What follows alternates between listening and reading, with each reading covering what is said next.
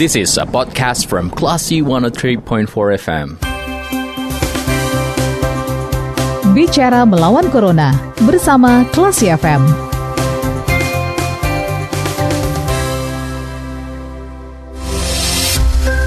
103,4 Kelas FM, this is the actual radio Classy People, kembali lagi Anda mencermati program Bicara Melawan Corona bersama saya, Reddy Pradata Nah, kali ini Classy People kita akan ngobrol bersama dengan tenaga ahli Menkes Bidang penanganan pandemi COVID-19 Ada Dr. Andani Eka Putra yang sudah tersambung bersama kita via telepon Kita sapa dulu Assalamualaikum Dr. Andani Waalaikumsalam warahmatullahi wabarakatuh Mas ya. Kabarnya hari ini sehat dok? Alhamdulillah. Alhamdulillah sehat. Yang pertama kita ingin mengucapkan selamat ya dok, sudah ditunjuk sebagai tenaga ahli di Kemenkes. Dan ini uh, sepertinya uh, dokter uh, kali ini akan men langsung menjabat dua posisi atau bagaimana dok untuk posisi sekarang ini dok? Maksudnya jabatan apa? Uh, yang di kepala laboratorium di Unan dengan oh, iya. yang sekarang ini? Kepala kepala LPN tetap karena saya masih wirawiri kok antara Padang Jakarta itu masih. Okay. Karena uh, jabatan ini kan tidak bukan jabatan struktural ya yang mm -hmm. mengharuskan kita tiap hari berkantor kan tidak seperti itu. Hmm. Yang penting semua kebutuhan hmm. Kemenkes, Kemenkes untuk apa untuk pengendalian pandemi ini hmm. semua datanya bisa kita siapkan itu yang penting. Oke baik. Nah kemudian dokter nah. sehubungan dengan penunjukan dokter sebagai tenaga ahli Menkes di bidang penanganan pandemi COVID-19 ini, apa kerja pertama yang akan dokter uh, lakukan atau dokter benahi mungkin? Ya sesuai dengan yang diinstruksikan Pak Menteri, tentu kita akan coba menata kayak sistem data, bagaimana mm-hmm. masalah tracing, testing, bagaimana tools, pembiayaan, ya kan biayanya, bagaimana meningkatkan kapasitas testing dan tracing di berbagai daerah dan mm-hmm. secara umum di Indonesia tentunya kan. Okay. Kemudian bagaimana kita uh, membantu merancang buku pedoman penanganan COVID edisi ke-6 gitu. Jadi hal-hal mm-hmm. yang seperti itu. Oke, okay. nah untuk hal seperti itu, uh, apakah Pak Menteri juga memberikan semacam target untuk dokter mungkin? Ya, pokoknya kita tidak target yang definitif tidak ada. Tapi kalau seperti uh. buku pedoman itu harus selesai cepatnya. Nanti dalam minggu ke depan selesai. Uh. Kemudian kalau kalau peningkatan kapasitas testing dan tracing, yang penting kita berusaha semaksimal mungkin supaya uh. itu bisa di, didorong lebih cepat maju gitu kan itu aja. Uh.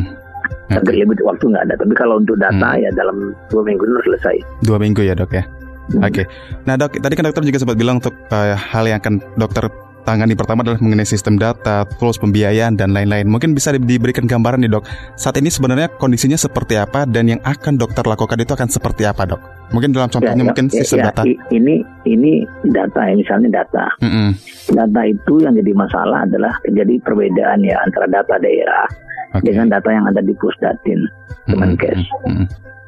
Ya kan kita mm -hmm. ada new all record yang datanya ternyata tidak sama ada kesulitan daerah dalam menginput data-data tersebut. Mm-hmm. Nah itu untuk masalah pertama. Okay. Nah itu kan diperbaiki bagaimana mm-hmm. caranya daerah itu bisa menginput datanya secara langsung. Oke okay, baik. Jadi ini biasanya kan sulit sekarang kita usahakan lebih cepat itu kan itu pertama mm-hmm. ya.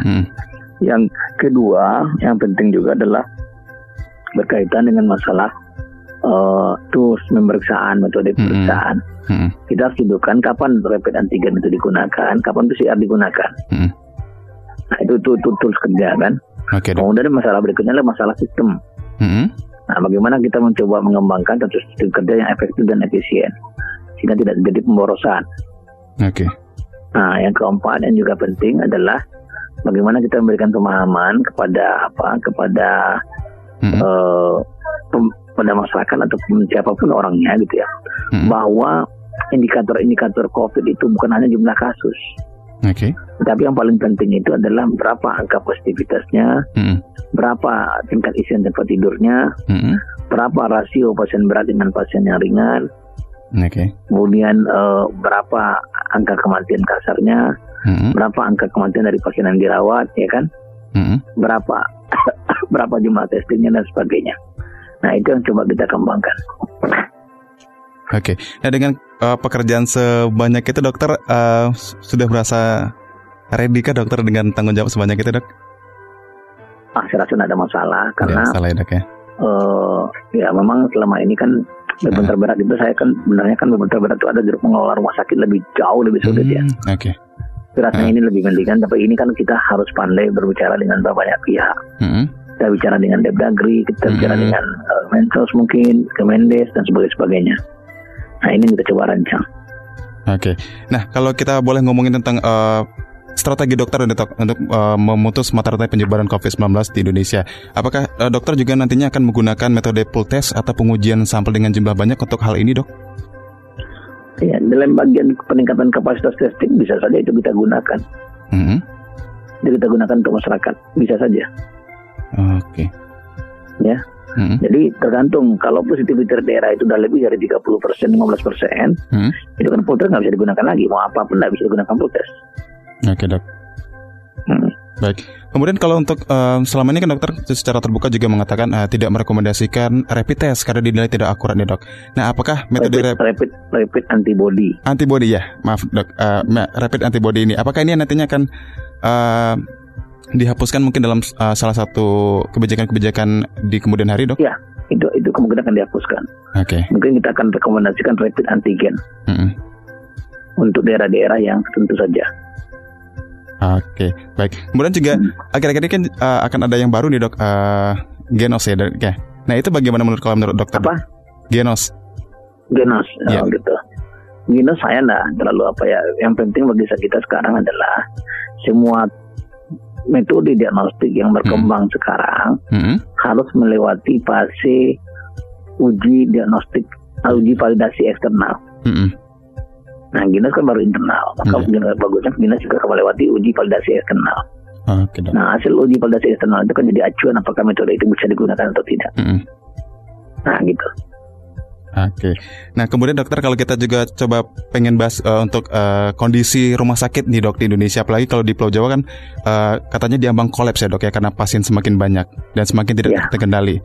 Nah, mungkin apa rekomendasi yang bisa dokter berikan ini sebagai uh, tim ahli agar hal ini tidak terjadi di daerah-daerah lain dok di Indonesia misalnya? Yang, yang penting kan konsep dalam pandemi itu kan memutus rantai penularan. Hmm. Nah, kenapa rantai penularan itu bisa kita putus? Supaya virus itu tidak menyebar. Oke. Okay. Kalau virus itu tidak menyebar, kalau virus itu menyebar, tidak terkontrol, maka jumlah kasus akan banyak. Mm-hmm. Kalau jumlah kasus banyak, maka pasien yang akan masuk rumah sakit juga akan banyak. Mm-hmm. Pada satu titik di mana jumlah yang masuk itu tidak tidak melebihi kapasitas rumah sakit, maka akan terjadi kekacauan dalam pelayanan kesehatan. Oke. Okay. Makanya kendalikan hulunya. Hulu itu di mana? Hulunya itu adalah pemutusan rantai penularan. Hmm. Itu hulunya, hilirnya di rumah sakit. Jadi supaya hilirnya jangan meledak ya kendalikan hulunya. Oke. Okay. Berarti cara konkret mungkin dok yang bisa kita lakukan uh, uh, untuk daerah-daerah lain ini agar hulunya ini tidak uh, ya, artinya jangan jadi jangan takut untuk melakukan testing. Jangan takut melakukan testing. Nah, okay. jadi daerah-daerah itu harus melakukan tracing, testing, uh. dan isolasi. Itu yang mm -hmm. pertama. Mm -hmm. Yang kedua, daerah itu harus mencoba membangun berbagai macam metode hmm. untuk meningkatkan edukasi masyarakat, pemahaman masyarakat. Hmm. Nah, metode-metode yang bisa dikembangkan itu adalah seperti uh, apa namanya negara tagih atau kampung kampung tangguh gitu ya. Yeah. Uh-huh. Nah, itu adalah metode yang penting dikembangkan. Oke. Okay. Baik. Nah, itu. Berarti untuk hal-hal seperti ini bisa diterapkan di seluruh daerah di uh, di Indonesia ya, Dok ya? Untuk mengantisipasi? Harusnya bisa, harusnya bisa. Hmm. Jadi daerah itu jangan takut kalau testingnya sedikit kasus banyak itu berbahaya. Oke. Okay. Hmm. Nanti ada kontrol kasih tenaga medisnya, tadi nakesnya. Hmm. Oke. Okay. Kalau nah. kita coba membahas bagaimana resikonya dok kalau seandainya memang uh, kondisinya akan semakin parah misalnya atau uh, hilir hulunya tadi tidak terkendali dengan baik, uh, ini nanti akan seperti apa resiko paling besarnya dok? Resiko paling besar itu rumah sakit overload sehingga ada pasien yang meninggal di ambulan, di UGD, uh, uh, taksi, di rumah nggak terkontrol. Oke. Okay. Iya kan? Uh, Berarti ini juga ada kalau kita lihat dari per, peran masyarakat di situ dok? Peran masyarakat jelas lah dibutuhkan di situ uh, karena ini kan pandemi ini bukan tugas warga kesehatan saja, uh, tapi okay. tugas kita bersama kan. Uh, Nah orang kesehatan tugasnya jelas, orang masyarakat tugasnya jelas ya. Bagaimana mereka membantu pemerintah mengendalikan, mencegah membantu mencegah penyebaran virus kan. Oke. Okay.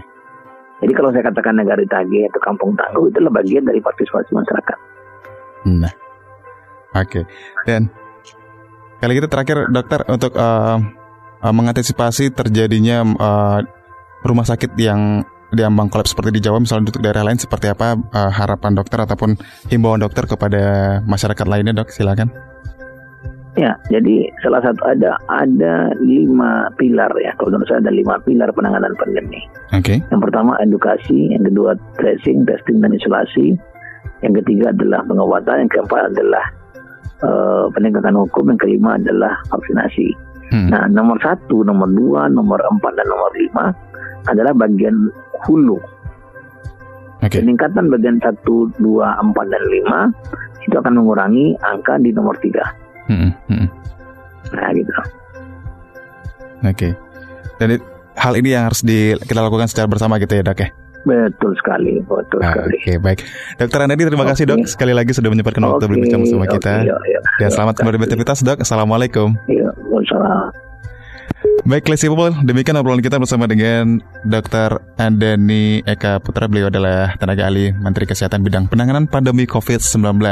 Dan Anda juga bisa kembali mencermati obrolan tadi di podcast Class FM. Anda bisa akses di www.classfm.co.id atau bisa download aplikasinya di Play Store dan di App Store.